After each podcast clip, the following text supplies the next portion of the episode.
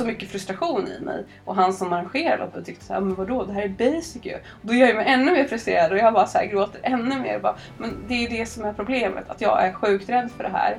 Och det är basic. Jag ska klara det, alla klarar det.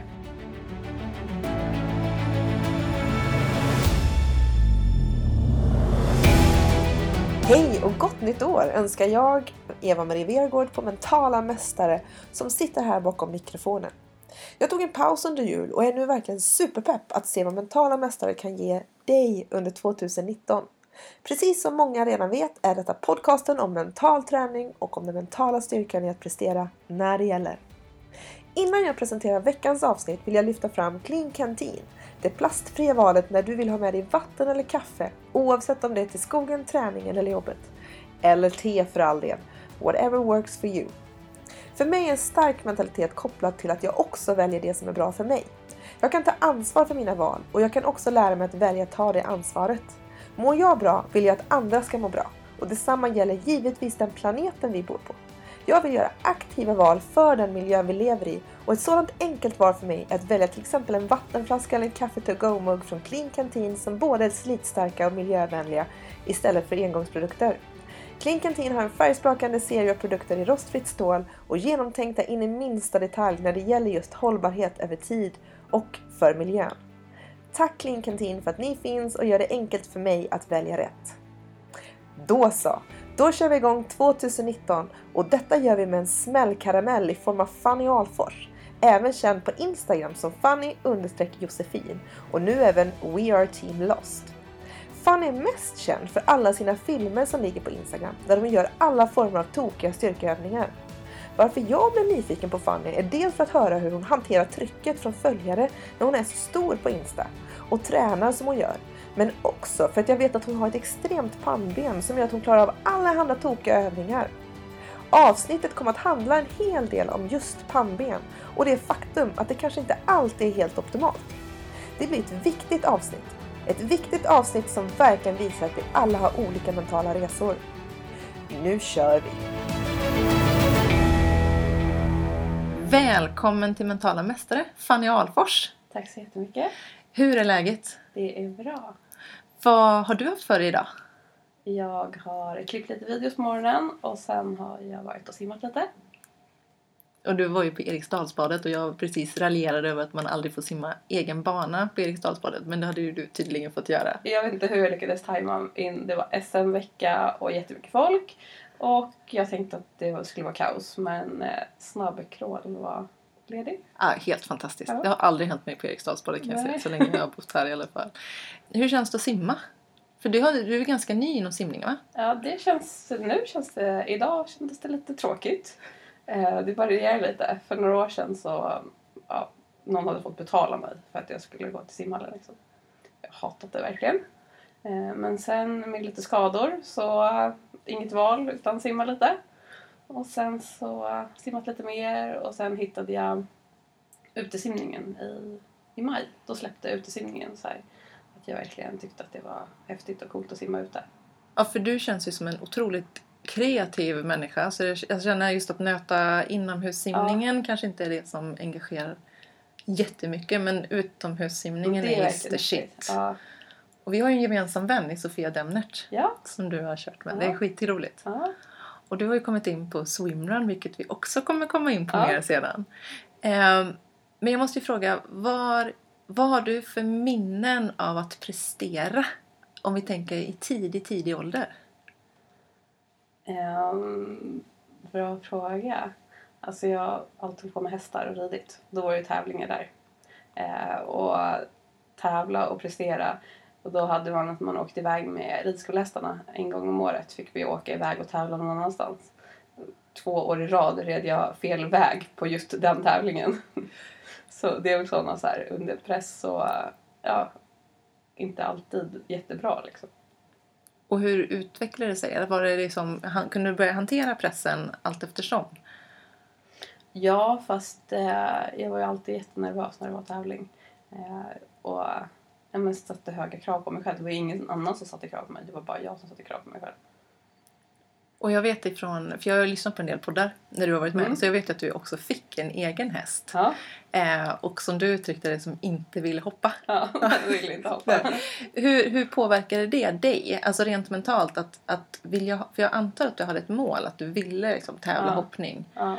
Och så ville inte hästen det. Nej, då hade jag um, slutat med att jag hade en boxningssäck hemma. Slog av mig frustration. Liksom. hur, eh, om man tänker så här, när du hade den här frustrationen.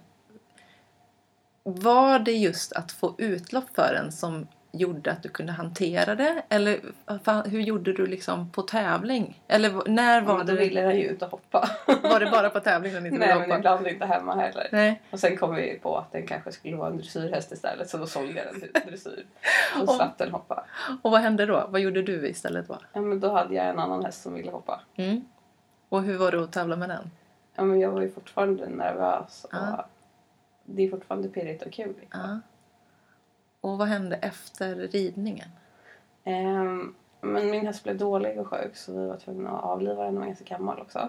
Och sen tyckte mina föräldrar att nu är du tillräckligt gammal att liksom så här, ska du ha häst så får du betala allt som har med häst att göra själv.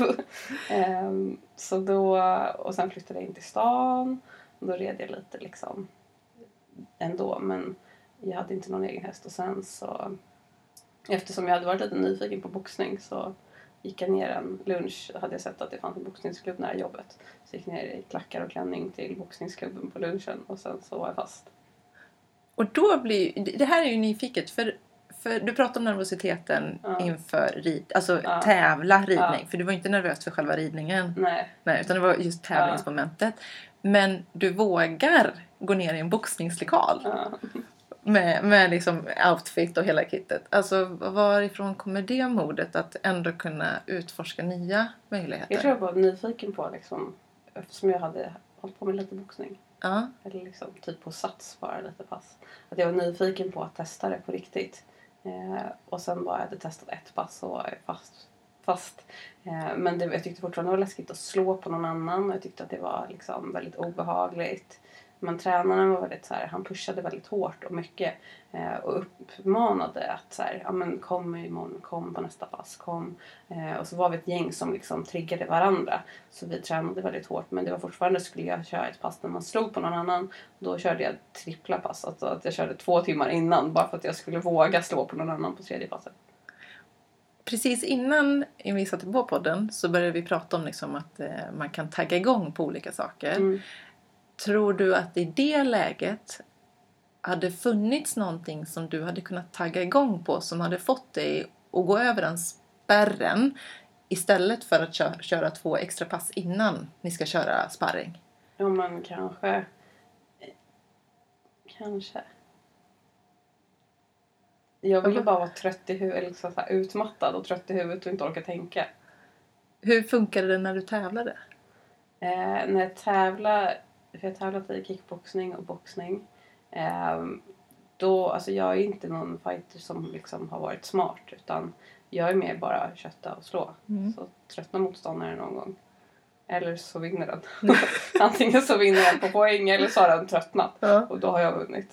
Eh, aldrig så här, inte direkt smart utan mer bara Uthåll- mala. Uthållig och mala liksom.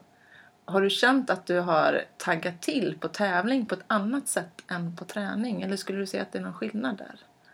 Mm, eh, det är stor skillnad. Hade jag inte gått matcher på... För när man går matcher så händer saker i huvudet som inte händer när man tränar. Man taggar igång på ett helt annat sätt. Eh, och det kan... Det är som att man får jättemycket energi och bara känner sig odödlig vissa stunder och bara så här... Ja, man vet inte var den energin kommer ifrån. Men sen kan det också vara att man är helt död också. Dog totalt. Använder du den energin någon gång på något sätt när du skulle träna? Eller hur skulle du kunna använda Men den? den kommer lite automatiskt. Mm. Den kan komma om man sätter sig själv i sådana situationer. Att man lyssnar på vissa låtar eller musik liksom. Så att man taggar igång och verkligen får den energin. Jag älskar att du säger sådär. För det, det där är ju en del av mental träning för mig. När, jag brukar prata om att man betingar låtar. Så Ja. att man, man kanske har en viss känsla och så sätter man på en viss musik och så kan man verkligen liksom ägga Ja. upp den där känslan och man kan liksom jobba från flera olika aspekter. Var det någonting som du, eller hur jobbade du mer medvetet med sådana saker? Eh, alltså jag hade någon app typ. Någon mental app. Så den lyssnade jag på en gång hela vägen från Stockholm till Göteborg när jag skulle gå match. Att man inte skulle vara som om en sån här gåpratare. Att om man trillade ner skulle man snabbt åka upp igen. Eh, och då gjorde jag min bästa match när jag liksom hade lyssnat på den appen. Coolt! Aha. Och också ja, men, att vara förberedd i huvudet. Och eh, men, stark mentalt. För det, det sitter liksom... För mig sitter det jättemycket i huvudet hur jag presterar. Ehm, för att jag vet att i huvudet, inte huvudet med mig så kan jag inte prestera. För jag vet att även om jag är trött och sliten i kroppen så kan jag plocka fram extra energi. Men är inte huvudet med så kan jag vara pigg i kroppen men det går inte att plocka fram det där sista ändå. Hur använder du den appen i fortsättningen? Nej men den fortsatte liksom inte. Den försvann på något sätt. Den försvann! Vi vet Ja. inte vad den heter, eller hette? Nej. Nej okej, Ja, för, det, för det, det, där är ju liksom också den här att, att hitta någonting, ett verktyg som man kan Ja. använda. För det Ja. lät ju asgrymt. Ja. Och på vilket sätt skulle du säga att den matchen skilde sig från tidigare matcher? Jag hade inte med mig min tränare. Men tror du att det kan ha varit någon Han sa koppling? alltid att jag var värdelös och jättedålig jämt. What? Så ja. Var det hans sätt att peppa? Eh, ja. Jag blir helt tyst här nu. Jag bara så här, bara så här. Det Ja. var också därför jag slutade med boxningen. För Mm. att i ett år fick jag höra varje vecka att jag var... Det var inte bara jag Nej. utan ja, men alla var dåliga. Ja. Ja. Wow! Mm. Det var, var tråkigt att höra en sån sak. Jag förstår inte vad det är för fel på dig. Alla andra förstår. Ingenting går in i ditt huvud. Men vi har stått här till klockan tio i morse. Nu klockan typ två, tre och det är jättevarmt ute. Och vi har kört ja, stenhårt och jag har inte ätit någonting. Jag har typ druckit lite vatten. Inte konstigt. Vad, vad, eh, vad, var det, vad var det du gjorde efter boxningen då? Alltså vilket, vilken klimat kom du in i efter det? Ehm, jag gick direkt från ett boxningsschema till att jag, alltså från att jag höll på med liksom kickboxning, boxning, kom hem och stannade på gymmet och körde ett extra pass på vägen hem för att jag var så full av energi för att jag tyckte det var kul. Kom hem och stod med huvudet mot väggen typ när jag skulle gå in i Mm. porten och bara så här, vad håller jag på med? Det här är Mm. inte kul. Ehm, och då gick jag från en vecka till, från ett boxningsschema till ett löparschema. För vi hade en löp, liksom, eh, där jag jobbade på PVC sponsrade Lidingöloppet. Så vi hade stor liksom, fokus på löpningen. Så då, och min tränare sa också att jag inte fick springa. Så då var jag ute och sprang ändå. Ja. Och då tyckte, tyckte jag att det blev ganska mycket konflikt i mitt huvud. Att Ja. Det var tråkigt att vara dålig och jag fick inte springa. Så då bytte jag från eh, löparschema, eller boxningsschema till löparschema och gick in från boxning till löparskador. Ja, vi ska komma in på skadorna alldeles strax. Och jag måste bara backa. Vad starkt gjort av dig att ändå lämna den miljön och hitta någonting annat. Ja. Och, och verkligen, jag måste, jag måste bara ge cred för Ja. det. Alltså ändå se, för jag tror att det är väldigt lätt också i en sån nedbrytande miljö eh, att stanna kvar Mm. av bara liksom bekvämlighet, om Mm. man säger så. Eh, och då är min fråga, vad skulle du ge för tips till någon som får höra sånt där för första gången? Alltså hamnar i en sån miljö. Alltså vad skulle du vilja ge dig själv för tips när du var i den miljön? Man kanske säger ifrån mera. Ja. Eh, för att man svalde bara det. Bara så här, okej. Träna ännu hårdare, visa att så här, men jag är inte dålig. Men det blir på något sätt en kamp med att försöka bevisa. Eh, men det spelade ingen roll om jag... Alltså jämfördes alltid, man jämfördes alltid mot alla andra. Mm. Och är man i en grupp där någon satsar mot VM och OS så är det såklart att jag inte är, är lika bra. Ehm, och då att hela tiden jämföras. Och det blir på något sätt att man vill prestera och vill vara bra. Men det är svårt ehm, när man samtidigt får höra att man bara är dålig hela tiden. Ja, alltså, ja och jag, jag tänker att eh, det blir en jättekonstig miljö som verkligen kan påverka negativt längre fram. Kan du, eller hur skulle du säga att den tiden har påverkat dig efteråt? Eller har du släppt det? Det satt kvar ganska länge. Den liksom... Då liksom så här... all negativ, negativitet som vart då Mm. satt kvar väldigt länge. Och det är först... Alltså jag hamnade in i en period där jag körde väldigt mycket yoga. Vilket också kändes liksom bra för huvudet att köra yoga. Mm. Eh, Just för att hitta ett lugn och inte en stress. För det blir också en väldigt stress när man inte känner sig tillräcklig. Eh, försöker träna, försöker prestera. Träna, lägga in extra träningspass själv för att på något sätt bevisa att man är bra. Men samtidigt så bryts man bara ner och Mm. blir liksom... När du började med löpningen, vad, vad fann du där? Alltså jag har alltid gillat att springa så efter att vi hade kört eh, SM uppe i Falun ett år så eh, det första jag sa till min tränare var kan jag få ut och springa nu? Så då fick jag ut och springa liksom. Det var det första jag tänkte på. Jag struntade i liksom hur matchen gick, kan jag bara få springa? Eh, och det är någonting som jag alltid har tyckt om väldigt mycket. Eh, men, ja, men skador har gjort att jag så här, försökt bara trixa mig framåt på andra sätt.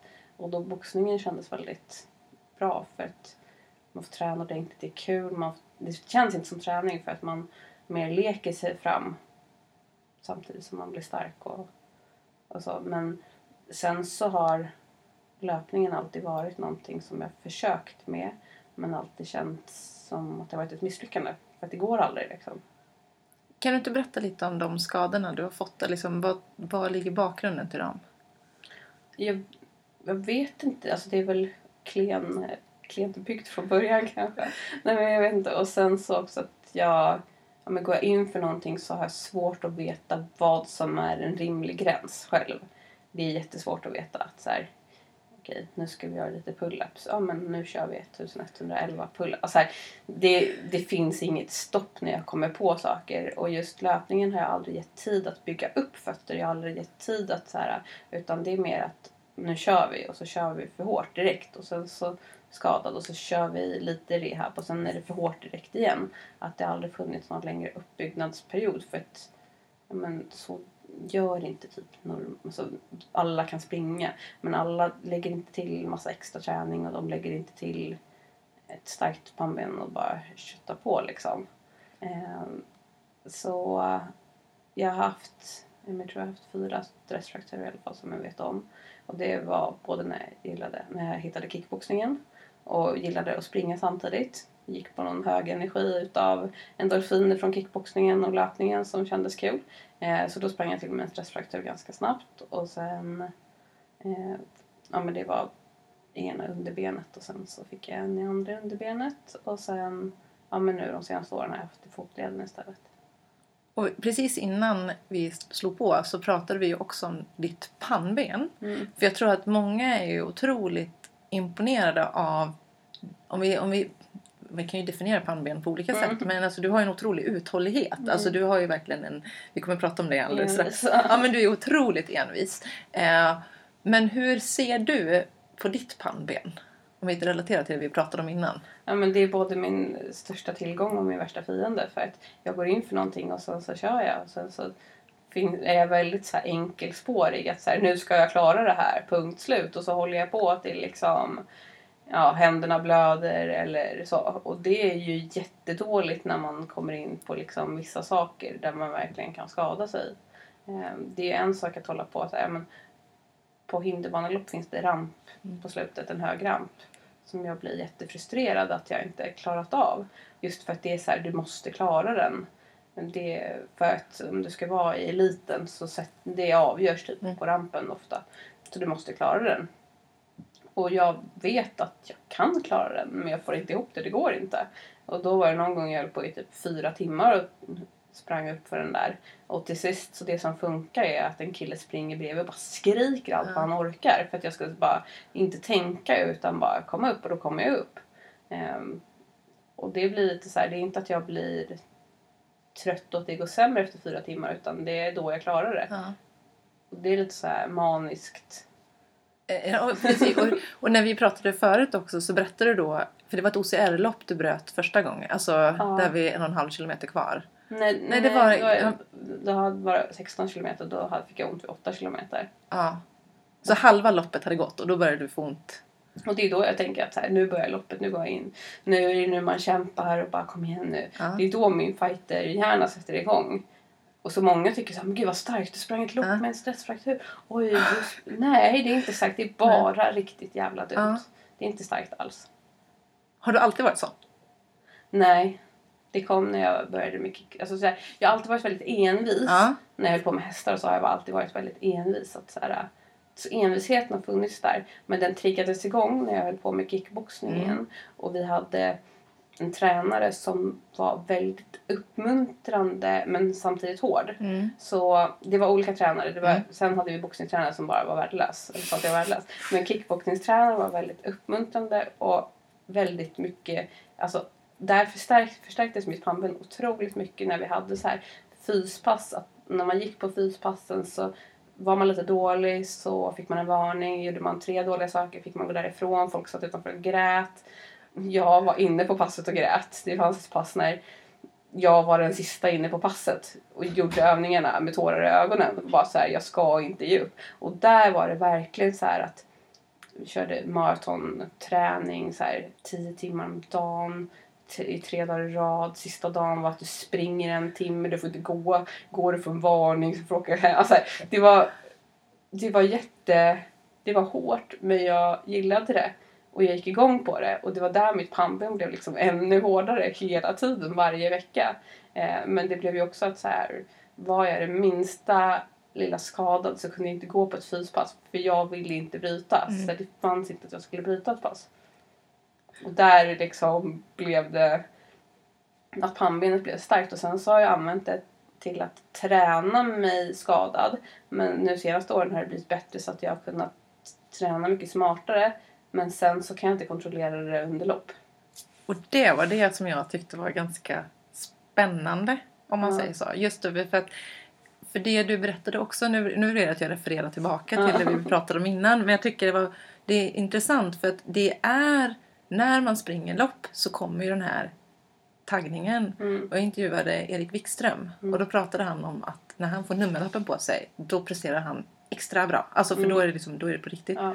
Och när jag lyssnar på dig så blir det också så här liksom att du, jag har lärt dig hantera träningsmässigt. Mm. Men när det blir tävling och ja, men, som den första gången, Mm. du ska få berätta om den andra gången, men första gången så här, efter halva loppet bara nu gör det ont men då börjar loppet Mm. och så bara kötta ännu Ja. mer och så just att man får dessutom en beundran av det, alltså Ja. av utifrån liksom.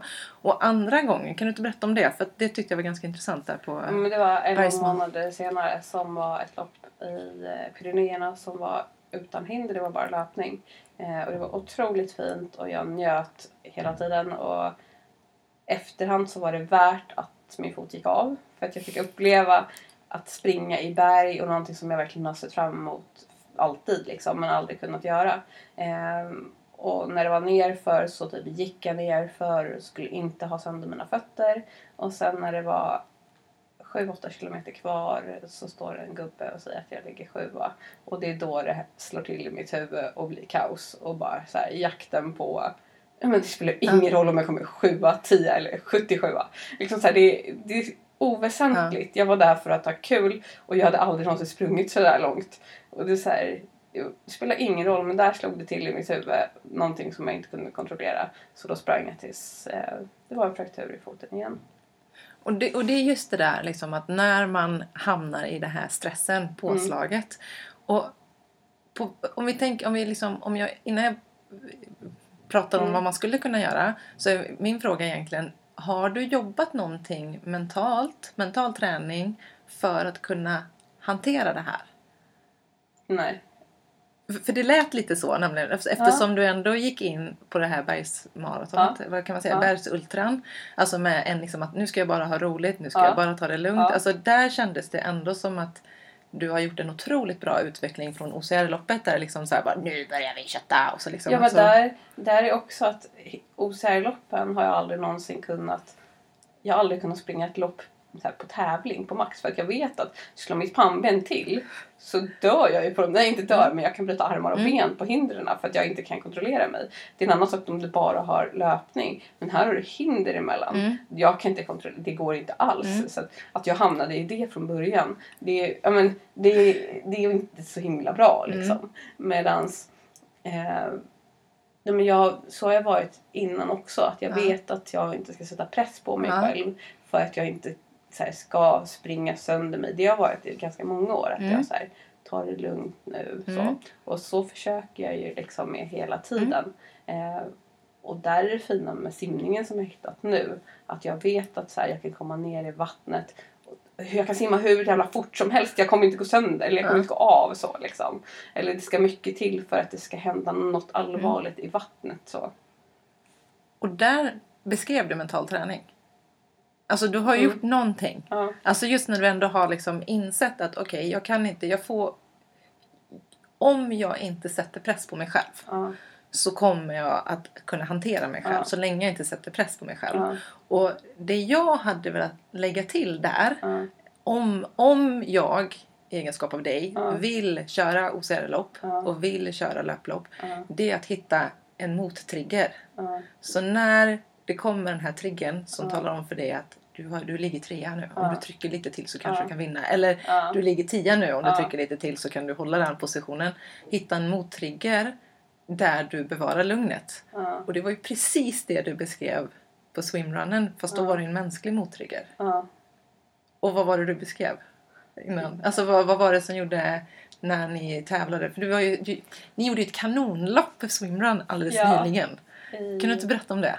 Eh, I Pyrenéerna det också. Det Mm. var ju redan innan så här, drömlopp för jag visste att jag älskar Pyrenéerna.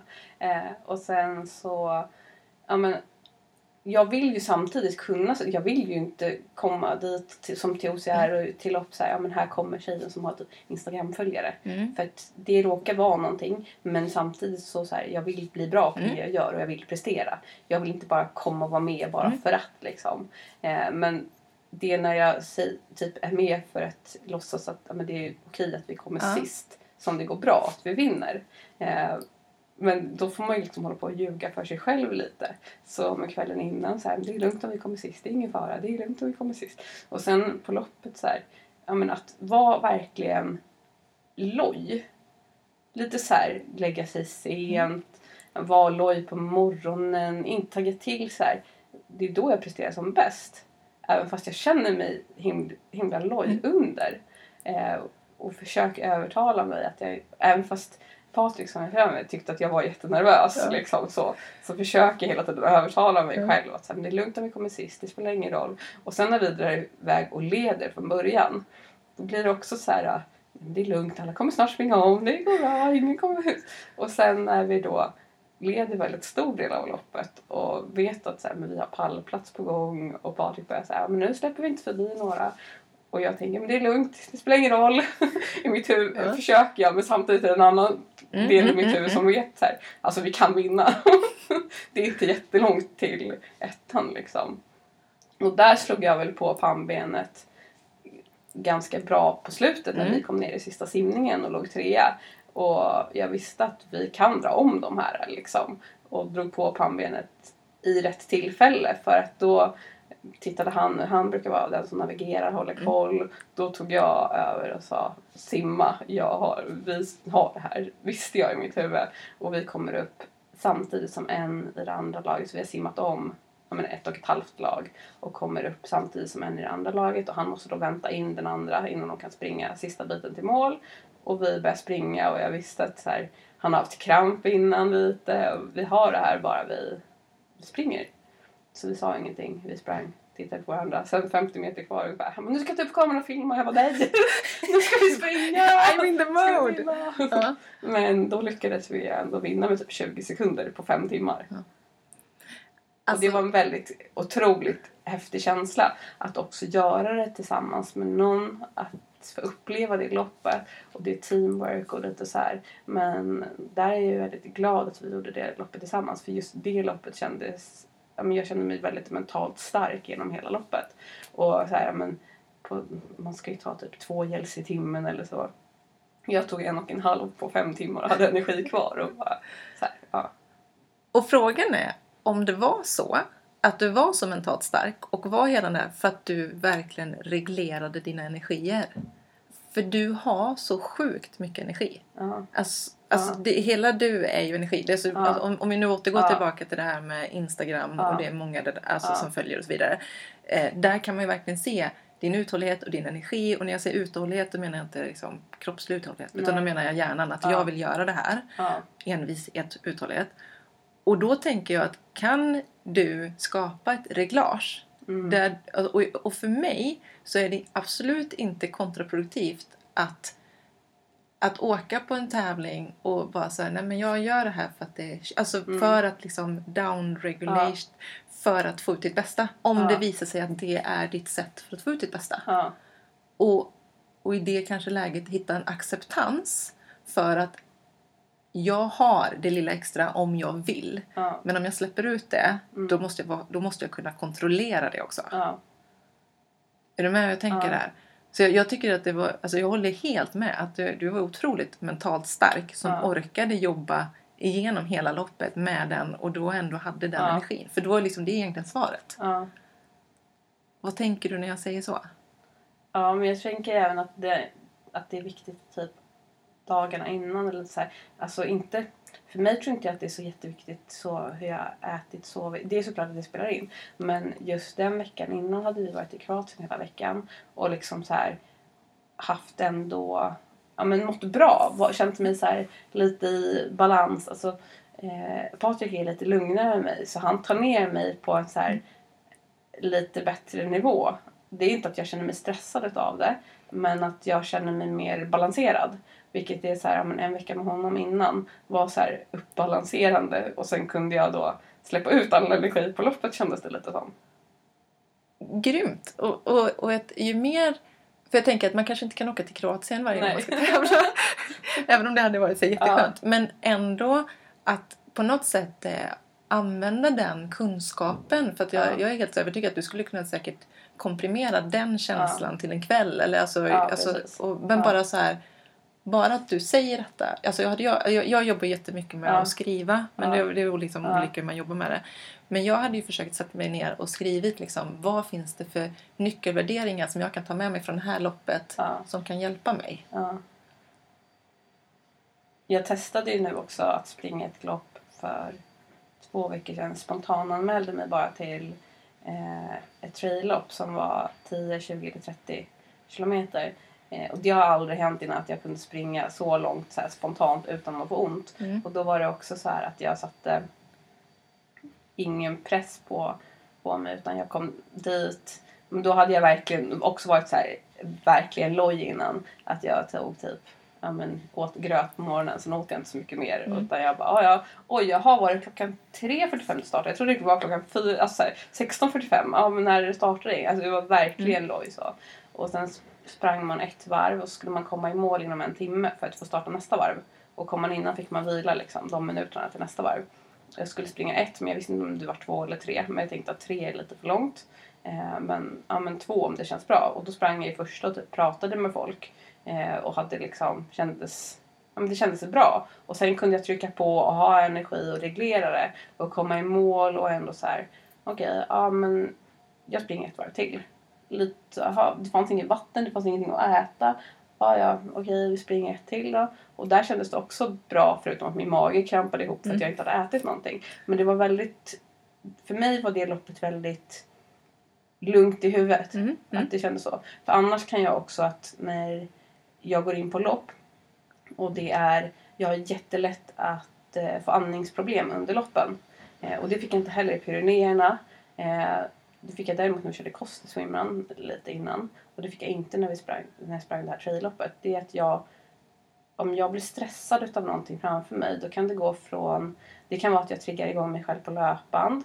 Det kan vara att jag springer med en annan person framför mig och jag känner någon slags känsla av att inte vara tillräcklig. Att inte vara tillräckligt snabb, att inte hänga på. Då kan det gå på 12 till 20 sekunder jag har mätt på löpband. Från att jag inte är andfådd tills att det svartnar på ögonen. Mhm.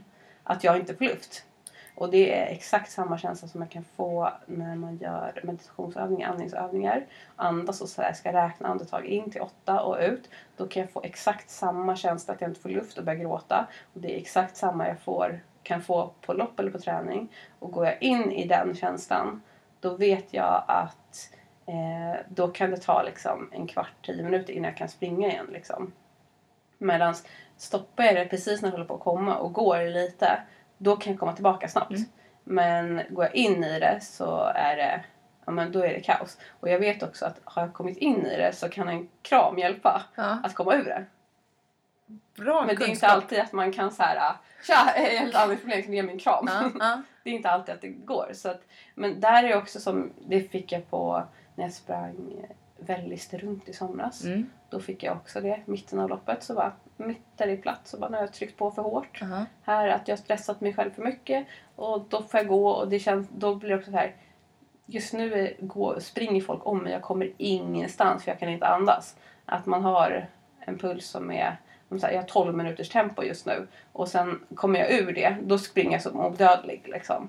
Eh, men då var jag så här, okej, jag sprang ett lopp, jag hade inte ont, jag får vara nöjd att det gick okej. Jag vet att jag kan prestera bättre om det inte hade varit andningsproblemen. Men att jag har hellre andningsproblem än en fot som jag. Mm. Och, och där låter det ju som att, alltså vad är det som gör dig tecken på att nu, för du, du, nu kan du ju bryta det innan det sker, upplevde jag att du sa. Ja, jag, eller jag kan... Jag, Alltså genom att ja, gå? Jag vet när jag känner att det håller på att komma så att jag Ja. inte går in i det så att det Ja. slappnar. Precis. Mm. Vad är det för tecken? Ja, men att jag känner att det håller på att komma. Men det är också att jag kan köra en crosstrainer. Då kan jag pusha mig igenom andningsproblemen. Att jag så känner hur det blir jobbigt att andas. Men jag kan pusha igenom det. Kommer under löpningen då slår det till att jag börjar gråta och Mm. då får jag inte luft alls. Att Nej. jag går in i känslan. Men stoppar jag den. Och sen har också är det väldigt så här, psykiskt vem jag tränar med eller vem ja, jag springer med. Att vissa personer går ju inte alls liksom så. Och det är så att när vi sprang Idre fjällmara då hade jag ju sagt till Patrik så här innan att ja men får jag andningsproblem då kommer jag säga nu går vi. Mm. Säger jag kram så är det en kram. Mm, mm. Säger jag puss så är det puss. Ja. Han visste om vad Ja. som skulle... För det där är ju också jättebra när man springer med någon annan, att Ja. man, man berättar det. Ja. Och så just att, så, återigen som du ändå kan känna det och känna en viss acceptans för att det är okej att gå nu för att Ja. då kommer jag kunna komma tillbaka. Ja. Har du hittat den acceptansen att det är okej att gå? ja men det är också för att jag har gjort så mycket så här, längre lopp som är i berg och där det är tufft och det är liksom så här, det är lugnt att Mm. det är, folk går ändå. Mm. Typ, så.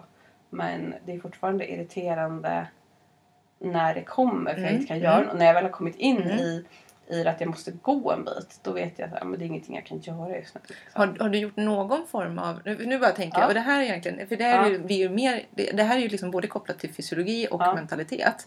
Har du någon gång fört någon form av dagbok för att kunna se... För jag tänker liksom så här, pressa mjölksyratrösklar. Nu är Mm. jag inne på någonting som Ja. jag inte kan. Ja. Alltså ska jag säga till Ja. de som lyssnar också. Men jag tänker liksom att, att lära sig att hur man kan skjuta upp den gränsen. Ja. Men, men för att liksom se om det händer så behöver jag göra någon form av dagbok för att Ja. se liksom att vad är det som triggar... Alltså, kan det här triggas tidigare om jag Ja. inte har sovit ordentligt? Ja, eller triggas det senare om jag varit en vecka i Kroatien? Förstår du min fråga? Ja. Alltså, dels att se liksom, vad är det som gör att triggningen går tidigare och dels också försöka hitta verktyg eh, för att pressa det uppåt. För att Mm. ändå kunna liksom...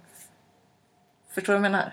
Ja, men det är också för det loppet som jag sprang i somras, väldigt runt, Mm. så var det liksom där jag behövde gå, där det var relativt platt. När jag väl kom ur det, Mm. då visste jag okej, här kommer sen högsta berget. Mm. Ja, det har jag sprungit innan, det tar ungefär 7-8 minuter om man springer hela tiden. Satte på Avicii på högtalare på mobilen och bara så har ett starkt pannben, använd det där jävla pannbenet då. Spring hela, gå inte en Mm. meter. Och helt plötsligt så kan jag springa hela backen i lugnt tempo uppför. Medans 10 minuter innan så har jag inte ens kunnat springa ett steg Mm. där det är typ nästan platt. Mm. Och det är då man skulle vilja veta liksom, vad är det som Ja, triggar igång den. ja, Och har du någon gång verkligen tagit ett steg tillbaka och försökt hitta det? Mm. För det hade varit jättespännande att se om man kan hitta. För kan du hitta vad det är? För jag menar, alltså, som du säger, Ja. om du kan springa ordent, ordentligt nu, Ja. ja, eh, upp för en backe och inte komma in i den Ja. situationen. Så är det ju inte bara den fysiska ansträngningen som Nej. gör att man hamnar där. Nej, eftersom jag också kan sitta på golvet och göra en andningsövning. Ah, ja, ja, men precis. Ja, men precis. bena. Och jag, jag tänker att det bästa sättet där det är att föra någon form av dagbok. Mm. För att se också, händer det oftare i vissa situationer? Mm. I don't know. När jag Mm. har PMS. Är det, Mm, Alltså du vet, ja. verkligen så här, rent fysiologiskt. Ja. Eller är det när jag är i pressade situationer på andra sätt? Ja. Alltså problemlösningstänk där. Mentala mästare loves Clarion. Vi sitter och spelar in detta avsnitt på fantastiska Clarion Collection Hotel Tapto här på vackra Östermalm i Stockholm. Visste ni om att om man bokar ett rum så ingår det ekologisk och Fairtrade-märkt frukost, afternoon sweets och en varierande middagsbuffé varje dag. Och givetvis är allting hemlagat. Det bästa med att du lyssnar på just det här avsnittet är att du nu har möjlighet att få 20% rabatt på rummet om du ringer och uppger mentala mästare. Detta mellan perioden 1 december till sista januari. Kanske är det dags för lite julshopping eller manladagsrea i huvudstaden. Det är någonting som jag kan rekommendera. Dessutom kan man njuta av både frukost och middagsbuffén fast man inte går över, vilket är precis vad jag alltid passar på när jag är här. Så lova oss nu att ni kikar förbi, stödjer dem som stödjer oss. Tack så jättemycket! Claren Collection Hotel Tapto på Östermalm i Stockholm. Du har ju en otrolig förmåga att hantera misslyckanden Mm. på ett positivt sätt. Du skrattar. Ja, men alltså, vi säger som du lägger ju upp filmer där du Ja, misslyckas. ja. Och alltså vad jag säger, eh, det finns någonting som man kallar growth mindset. Mm. Eh, som handlar om att man inte blir nedstämd av att jag lyckades inte nu. Nej. För man tänker istället inte än. Ja. Så istället för att tänka åh jag är värdelös nu så bara, men jag kan inte det här än. Ja. Men jag kommer kunna det sen. Och det Ja. känns som att du har rätt mycket inte än Ja. i dig. Vad säger du om det? Ja, alltså jag kan se väldigt många så här, typ armhävningar på ringar. har jag haft som utmaning på väldigt mycket så här, om det är något event eller om det är någon mässa eller något sånt. Då ser man väldigt tydligt att de personerna som kommer tar ringarna som tänker sig, ja men det här klarar jag. Som testar en gång och bara nej, det gick inte. Eller de som, det finns så här olika, att de som testar och bara, nej men det här går aldrig, nej det går aldrig då heller, om du tror att det aldrig går. De som tror att det ska gå, så går det inte. Och sen är det de som typ inte säger någonting, som bara gör, nej det gick inte. Och så testar de några gånger till så kanske det går. Eh, och jag vill mycket så här att men ser jag någon annan som kan, det, men det borde gå och så testar jag. Och så där. Armhävningar på ringen var någonting jag tränade hur mycket som helst. Det kunde jag inte heller först. Men vissa saker, ja, men så här, handstående till exempel. är också, vissa saker känns bara så här. Blir jag lite frustrerad över. För alla tror att jag kan stå på händer och göra sådana saker. Och det kan jag inte. Jag är värdelös på sånt. Och då blir det lite så här frustration. Att jag hade en period där väldigt mycket frustration kom ut när jag skulle stå på händer. Att sluta bara med att jag grät. För att folk tror att jag kan och det går inte. Och jag går inte framåt heller. Och man blir bara frustrerad. Då går det inte alls. Eh, många sådana saker låser sig liksom i huvudet. Att jag kan stå på händer men det bara är någon låsning. Och när den släpper så kommer det gå. Och nu, jag, nu har det släppt lite och då blir jag ju peppad på det och vill öva det mera och mer och mera. Men jag tycker att det är väldigt viktigt att visa just på sociala medier att ja, men misslyckanden, för att det är så mycket misslyckanden hela tiden. Och att många har sådana flöden där det är så himla fint och det kan stressa. Jag kan också bli stressad när jag ser att alla har perfekta liv och allt är så himla perfekt. Men det är så mycket misslyckanden hela tiden. Att, men också att så här, fake it until you make it. Att, så. Men där har väldigt många påpekat hela tiden. Så bara, ah, men du är mycket gladare nu och det känns som att du är gladare. Ja, men jag behöver inte börja varje morgon med så här fake it until you make it för att foten är av. Alltså det, då var det verkligen så här. pff, Jaha, okej, jag vill springa, jag vill göra det här. Att fokusera på allt jag inte Alltså, fokusera på det jag kan göra istället för det jag inte kan göra. För det finns alltid någonting jag kan vara glad över, någonting jag kan göra. Därför har det blivit så mycket pull-ups, mycket hänga, mycket sånt. För Mm. ja, men är jag bra på det kan jag bli ännu bättre på det. Så jag behöver inte tänka på att min fot är trasig eller jag behöver inte tänka på att jag har ont här. Jag behöver inte tänka på det. Men då kanske det har gått lite överstyr. Så sen när jag kan börja springa och smyga in löpningen utöver allt annat. Ja, men då blir totalen för mycket och så blir jag skadad igen. Något som jag tycker är bra, det är precis det du säger. Att du ändå kan visa att det, som, det finns misslyckanden och Mm. hela den där biten. Och tycker du att du blir stärkt? Eller hur blir du stärkt av att visa att man, man, man misslyckas och att det liksom bara fortsätta? Kan det vara något, är det någon del av den här glädjen som du känner att liksom... Men jag tycker att det är kul att visa misslyckanden. De är roliga de Ja. videosarna. Men är det ärligt när du liksom bara ja ja nej men det hände liksom och sen bara ja nu fortsätter jag. Ja, men det blir, alltså kameran står ju på så mycket Mm. när jag håller på och övar så här. Så det känns så här, varför, failsen tycker jag är roliga att kolla på. Det ser ju jätteroligt ut. Och det tycker ju säkert Ja. de flesta är bra så bara, liksom. varför inte bara visa upp dem? Mm. Så, för att det är ju oftast kul. Och sen kan det också vara när man så här, ja, men, sur och frustrerad. Och jag sa till en kompis förut att så här, ja, men, när jag blir sur, frustrerad, gråter, ta upp och bara filma mig då så vi kan visa det. Men han var så här, nej men det känns så himla taskigt. Jag bara, men det är ju så himla mycket gråt och tårar och slit och så här som inte är jättekul. Bara filma det. Men det har inte blivit något tillfälle.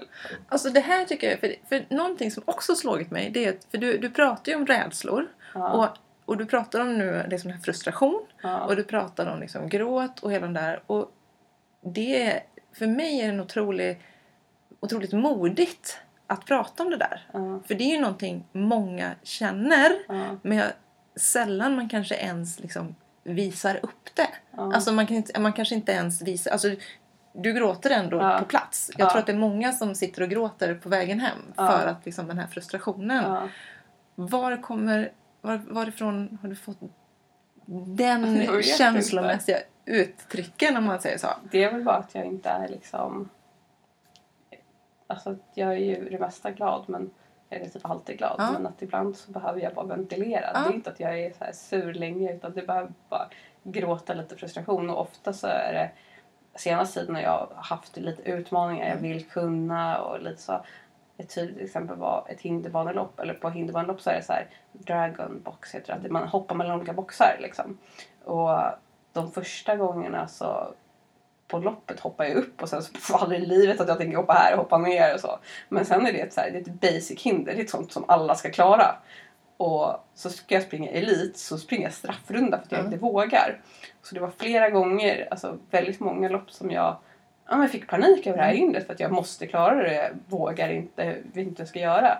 Så förra året, dagen innan loppet, så åkte vi ut och skulle öva hindret. Så vi satte en stege så att avståndet skulle bli mindre och så skulle vi försöka hoppa och så höll jag i en kompis hand och så var det så här och jag bara står och stört gråter verkligen så här. Det är så mycket frustration i mig och han som arrangerar loppet tyckte så här, men vadå det här är basic ju. Och då gör jag mig ännu mer frustrerad och jag bara så här gråter ännu mer och bara, men det är det som är problemet att jag är sjukt rädd för det här och det är basic. Jag ska klara det, alla klarar det. Det är inte ett svårt hinder, det är bara mentalt i mitt huvud som jag liksom sätter spärrar för mig själv. Och sen när jag hoppat en gång, då är det inga problem. Men då var jag också så här: okej nu har jag gjort det en gång. Nu måste jag göra det 50 gånger. Killar ni kan dra, jag ska öva. Så då hoppade jag där 50 gånger. Så hälbenet sen åkte in i underbenet och jag fick jätteont. Men det, är också, det finns ingen spärr utan jag tänker så här, okej nu har jag klarat det. Nu gör vi det 50 gånger så det är inga problem. Och sen på loppet tyckte jag att det var ett jättekul hinder. Att det är inte något läskigt, det är inte något kul. Men det är väldigt spärr i huvudet på många saker.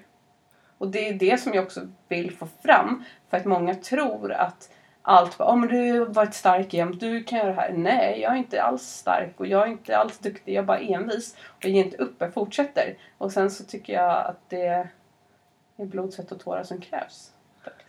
Och jag kan säga att det förmedlar du jätte, jätte, jättebra. Och jag tror att det, alltså det är verkligen någonting som man behöver. Alltså det är superbra att du förmedlar. Och samtidigt så är det så här. Man skulle, man skulle vilja sätta någon form av spärr. Alltså, så, alltså, Ja, men så här, det räcker med att du kan göra den, gör den 15 gånger, du behöver Ja. göra den 50 gånger. Ja. Utan jag kan verkligen så här, okej nu gör vi, då gör vi. Det finns inte, alltså så här, den där spärren är, ibland vet Ibland är den bra och ibland så vet jag, jag har jättesvårt för den. Ja. Ja, men när jag har gjort mycket pull-ups, när jag så här, ja men simma långt. Någon fick sa, någon sa förra året typ, ska du simma 10 kilometer någon gång? Simma 10 kilometer aldrig i livet, det kan man väl inte göra? Och sen helt plötsligt får jag för mig, ja men jag ska simma 10 kilometer, det kan väl inte vara så svårt liksom. Och det, nu så är det så här, men hur långt kan man simma? Var finns den gränsen? Och, och där tänker jag att det där blir ett ypperligt tillfälle att träna spärren. ja, För att inte skada axlar. ja, Alltså för, för, Ja. för det finns ju alltid, Ja. säger jag av egen erfarenhet, för jag valde jättestora paddlar när jag Ja. körde Göta ö. eh, Mm. Så gör inte Nej. det. Gör inte det. Eh, och hur tänker du kring det? Alltså hur ska du göra för att inte hamna i den fällan att, ja men till exempel paja axlarna med simningen för att du triggas igång av vad man kan göra? Ja, men jag sätter lite... Ja, swimrun, det, det är jättebra för mig. För då har jag ju någon till att tänka på. Jag vill inte förstöra för oss. Mm. Så. så då tänker jag ju till. Och sen försöker göra löparschema till Patrik. Han tycker det är bra att följa. Men jag tänker att det är lika mycket bra för mig. För att då håller inte jag på Mm. och springer sönder mig själv. För att helt plötsligt så...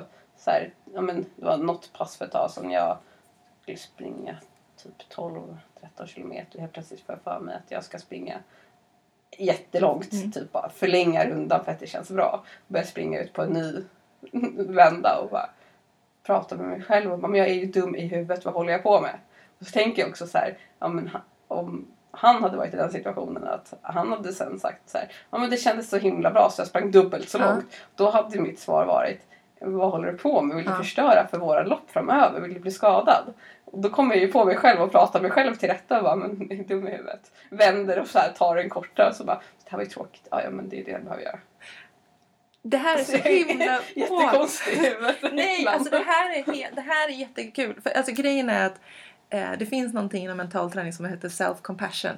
Ja. Som handlar om bland annat, det finns flera delar i den Ja. här, liksom, mindfulness och att eh, när, alltså verkligen ta ett steg ut ifrån sig själv Mm. och verkligen tänka, tänka till. Vad hade jag sagt till min vän i det här läget? Mm. Och där tänker jag att för dig så är ju det ett ypperligt verktyg. Ja. Alltså verkligen så att alltså, i de lägen, alltså, och det, det kräver ju träning också. Och jag Mm. menar uppenbarligen så är du ju där. Mm. Ut, eller var, du medveten om self-compassion? Nej, men just där och då var ju jag verkligen så här. Alltså det var ju ett sånt tillfälle där jag hade kunnat förstört mig själv för att jag hade sprungit för långt vad jag skulle klara så här. Bara för att det kändes kul exakt just där och då. Och varifrån fick du den inre rösten där du pratade dig själv till rätta? Nej, men jag tror att det var för att jag tänker på vad vi har planerat framöver. Ja. Liksom. Så det är ansvaret för Ja. honom för att ni vi ska göra något roligt sedan Ja. och därför så behöver jag. Och jag vill liksom inte så här, sorry du kan åka själv till Pyrenéerna för att jag är skadad nu. För att jag vill ha kul en timme. Liksom. Och, d- och då kan du, det, det här är, så det skulle jag säga, det är liksom nästan den viktigaste delen här. Det är ju verkligen att, att kanske ta det för vana. Att, alltså dels det här är ju superbra att sätta upp Ja. eh, mål och liksom just Ja. det här att okej, jag behöver inte göra tusen Ja. pull-ups eller vad det Ja. nu kan vara utan det, är så här, ja, men det räcker med 500 eller Ja. vad det nu kan vara. Men också kanske börja ta för vana att regelbundet, sen vet inte jag om man behöver sätta en klocka var tionde minut Ja. eller om man behöver sätta antal gånger beroende Ja. på hur bra koll du har på liksom antal gånger du gör någonting. Att verkligen ta ett steg tillbaka och se dig själv som en kompis istället. Ja. Alltså om jag hade varit, om jag hade stått här med min kompis eller min Ja. kille eller vem det nu kan Mm. vara. Hade jag då bett honom fortsätta eller hade Mm. jag sagt att ja men du, eh, Ja, chilla lite istället. Vi går hem och käkar eller någonting. Vad, vad, vad, skulle, vad säger du om det? Jo, men så har jag tänkt mycket som alltså, häst. Så här, hade jag gjort det här mot min häst? Typ så. Ja. Mm. så för att, ja, men har man varit på tävling med Ja. hästen så kör man ju inte hoppträning dagen efter. Nej. Nej men det är så här, Ja. om nu hade kört 30 timmar träning på tre dagar och jag bara jag kommer imorgon bitti klockan sju. Ja. Och tränaren bara fast alltså, du är inte välkommen hit imorgon bitti klockan sju för du vilar. Nej vadå? Alltså då hade jag varit iväg och tävlat med en häst i tre dagar så hade jag ju inte så här, nu ska vi köra stenhårt imorgon bitti klockan sju. Utan att man, eller så här, jag tyckte att hästen var så värdefull och Mm. det blir så tråkigt om hästen blir skadad så då gjorde man allt för att den inte skulle bli skadad. Medan mig själv bara kör man på Ja. rakt in i kaklet och sen så bara skadad igen. Ja, jag vet inte vad det är för fel med jag blev bara skadad. Och det är, alltså det är egentligen, för det är, jag, eftersom jag kommer från hundvärlden, eller jag kommer från Mm. hästvärlden också från början, men hundvärlden nyligen om man säger så. Och där är det ju, jag använder ofta det språket när jag pratar med hundmänniskor. Mm. Alltså hur hade du agerat med din egen hund? Hade Mm. du utsatt den här, alltså din hund för Ja. det här? Eller som en sån sak med mat till exempel. Ja. Alltså generellt är folk otroligt noggranna med att hunden ska ha vätska och hunden ska Ja. ha mat och hunden ska helst ligga i bilen och vila mellan loppen för Ja. att de ska inte hålla på liksom och ränna runt. Och så själva så sitter de med liksom en chokladboll och det är allt de äter på 12 timmar. Alltså, Ja. och då blir det så här, nej men oj, jag kanske ska behandla mig själv som Ja. min hund. Ja, Mm. nu, Ja. nu. Du förstår, vi får se om lyssnarna förstår. Eh, men, eh, så det är ju, det är verkligen ta till det. Och, och mycket med det här också handlar ju om att, att prata med sig själv, att det är okej att känna så som jag känner. Eller okej, Ja. okej, men vad ska vi hitta på istället? Liksom? Mm. Gud vad spännande det här blir. Nej, Alltså, jag, jag kan säga, jag har inte följt manus överhuvudtaget liksom. Eh, Men en fråga som jag är jättenyfiken på eftersom du är så stor på sociala medier. Det är hur du hanterar negativa kommentarer när det gäller din träning. Um, när jag lägger upp typ, ja, men det finns ju, jag lägger upp lite olika saker. Först så hade jag 100% träningsvideos, stark tjej hittar på konstiga saker. Och sen har jag varit väldigt så här, ja men kamerarädd, kamerablyg, fotoblyg, prata, alltså prata engelska, jätteläskigt. Där jag bara så här försökt verkligen eh, jobbat bort det. Nu också så här, i skolan var väldigt, alltså jag gjorde inte presentationer, det gjorde jag inte. Jag bara tvärvägrade. Fick de andra göra. Så jag har haft det väldigt mycket för mig själv också, att så här, bli bekväm, prata, eh, att känna så. Men negativa kommentarer blir när det kommer på videos där jag gör någonting konstigt eller så här stupid så. Då tar jag bara fast, alltså det är ju sjukt konstigt och en konstig video.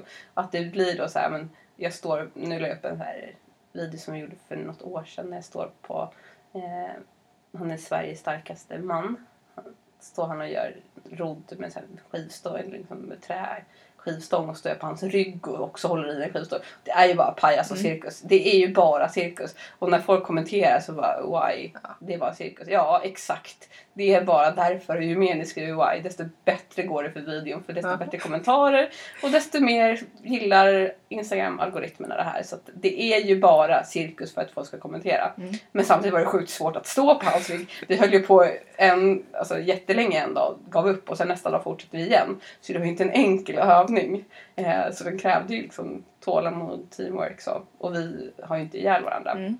Men när det kommer just kring träningen så kan det vara, ja men jag fick- en del påhopp när jag gjorde en video som var tillbakaspelad, alltså här, omvänd på klättringen. Så det ser ut som att ja, men jag klättrar fast kollar man på videon så ser man att killen i bakgrunden han hoppar upp på väggen istället för ner. mm. Och då var det många klättrare som blev eh, liksom tog upp att så här, men jag var inte någon riktig klättrare och så här. Fast jag har ju skrivit också att mitt mål för året var att, är att bli bättre klättrare.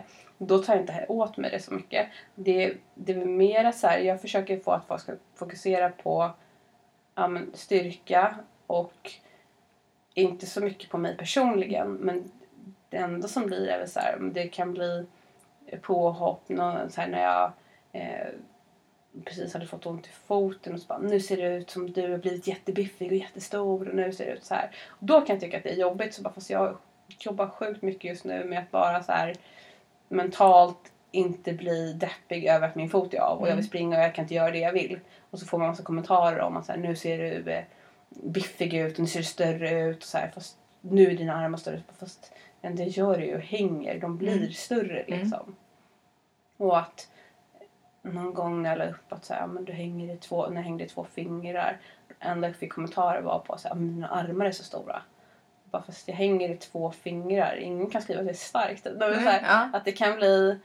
Det tycker jag är mer jobbigt när det blir sådana kommentarer. Annars är det inte så mycket... Så det är ju det är inte så mycket att hata och skriva hatkommentarer kring.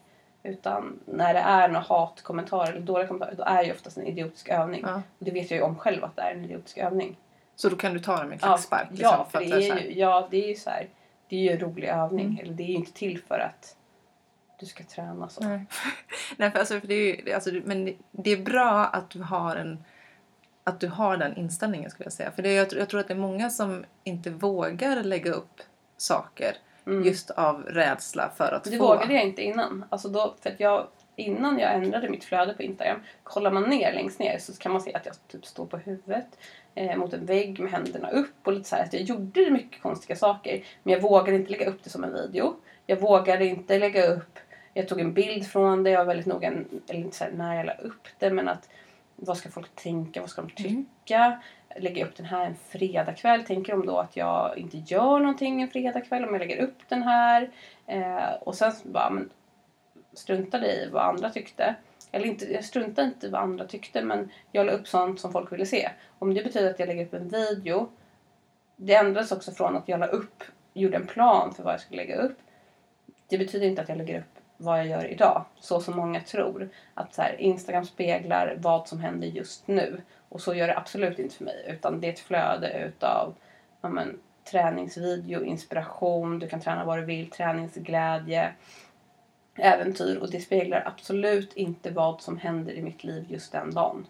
Eh, och när jag väl liksom gjorde det så, då är det mycket lättare att ja, men, inte bry sig så mycket. För att ja, men, om folk tror att jag lägger upp en video, men det händer det har inte hänt idag. Där ger du ju egentligen ett jättebra tips. För du avpersonifierar, alltså du tar ja. ju verkligen ett steg tillbaka. Och det är ja. ett bra tips om man tänker till folk som är rädda för någonting. För så ja. fort det blir liksom för personligt ja. Så blir man ju liksom, då kan det gå in in the, in the bone. Ja. Liksom. Men istället liksom att, ja, men som du har uttryckt också, att det var ett, liksom ett experiment. Ett ja. sociala medier-experiment. Och på det sättet skapa en, en ett distans till det och ändå kunna liksom finna en glädje i det tänker jag. Ja, för det är ju så nu också så här, ja, men jag har experimenterat mycket mer vad jag kan lägga ut, vad jag inte kan lägga ut. Ja, men jag tycker att bilder är svårt men det är fortfarande så här, man vill testa vad är det värsta som kan hända. Okej, man förlorar lite följare, man förlorar lite likes. Jag har genom att Förut var det 100% träningsvideos. Eh, stark tjej på konstiga saker. Instagram har ändrats så att det, de pushar bilder bättre.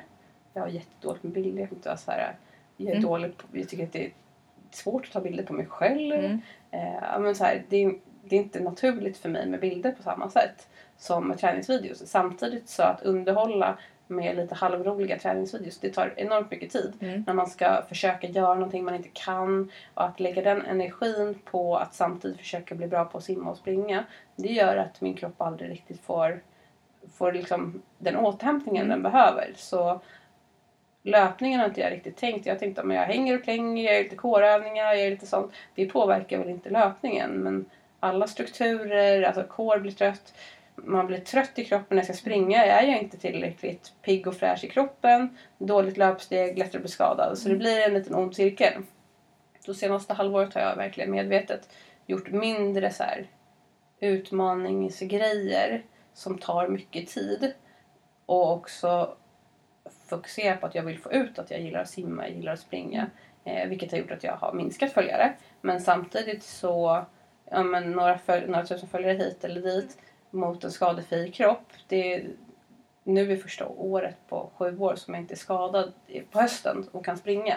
Och det betyder så mycket mer än några tusen följare på Instagram. Och likes och så här. Då vet jag också att ja, men, hittar man bara rätt grej, lägger upp den vid rätt tillfälle så slår det till och så kan man få en jättebra video. Att du kan lägga så mycket tid och energi men att det ändå inte blir bra för att du inte får till det.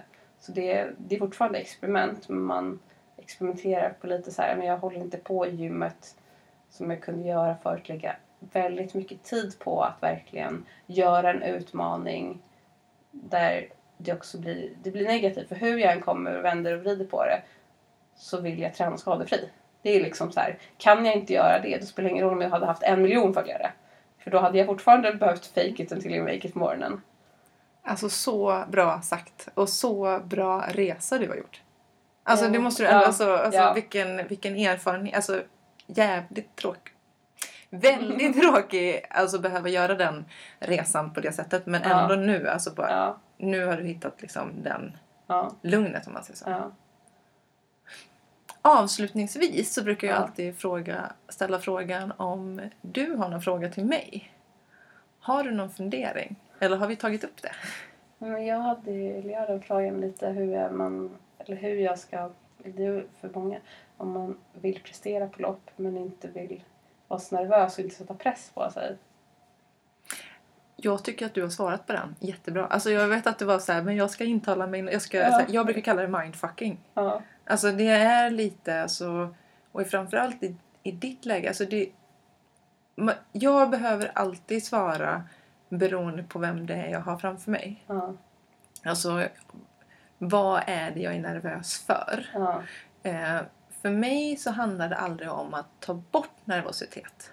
Utan snarare om att hantera den. Mm. Alltså se att nervositeten är någonting som jag kan utnyttja. Mm. Alltså se nervositet snarare som en energi. Och som i ditt fall då, så är det som att ju nervösare du är desto mer liksom vrider du upp volymen och desto kan det vara så att du faller in i det här liksom, Mm. taggade tillståndet. Eh, men att genom att vrida ner volym, energiknappen så kan du hantera din nervositet bättre. Mm. Men då är min fråga egentligen, motfrågan där, hur var din nervositet inför swimrun-loppet? Ja, men då var... Jag upplevde mig inte så nervös. Patrik upplevde mig nog som nervös lite så. Eh, för att jag blir lite så här tossig överallt. Men det var ju fortfarande att jag var ganska lugn i mig Mm. själv. Liksom. Att jag var inte... Det är klart att jag blev lite speedad Mm, innan mm. men jag var inte jättenervös i mig själv just för att jag tänkte på riktigt att det är Mm. bara duktiga här. Mm, Vi kan mm. komma sist. Det är lugnt liksom. Bara för att övertala mig det är också att så här, men det är lugnt att vi kommer Mm. sist. Och, och jag, jag förstår verkligen fast jag frustrationen. vill komma sist. Nej, nej, men- och, jag, och jag förstår frustrationen för när man liksom så här, fast jag vill ju inte komma sist. Alltså Nej. jag, jag vill ju inte det. Och så, och så ska jag behöva tänka så. Ja. För att, och jag menar där är det ju så här, det, för mig liksom nästan blir en sån dubbelövning. Att dels fortsätta med det Ja. som funkar. Ja, Eh, och där är det ju din känsla som spelar roll. Alltså sen om, om någon annan upplever att du är nervös. Eh, det, så länge du känner dig liksom, lugn Ja. i dig själv så kan de få uppleva dig liksom, Ja. hur de vill. För jag menar vissa blir jätteirriterade och vissa blir liksom ja, tysta och vissa blir liksom all over the place. Liksom. Whatever, så länge du kan hantera det. Eh, och sen eventuellt då se om du kan hitta sätt där du kan lägga på press mm, och ändå bibehålla lugnet. mm, Men att se det som en långsiktig träning för att Mm. ändå kunna säga men jag, jag vill vinna. Eh, men också se, för jag är ju väldigt... Jag tycker om tänket att tänka innan tävling, jag vill vinna. mm, Men under och inför tävling, på tävlingsdagen, så är det inte det som är viktigt. nej, För träningen som du gör inför tävlingen, det är det som gör att du vinner. ja, Och om det är att coola ner och vara Ja. loj och bara liksom för när klockan ringer så vet du att du har ett pannben som drar på Ja. dig. Så då behöver du inte liksom tänka vinna. nej, Du behöver inte göra det. För att liksom ändå Ja. prestera, för att ändå vinna. mm, Är du med på vad jag tänker? mm,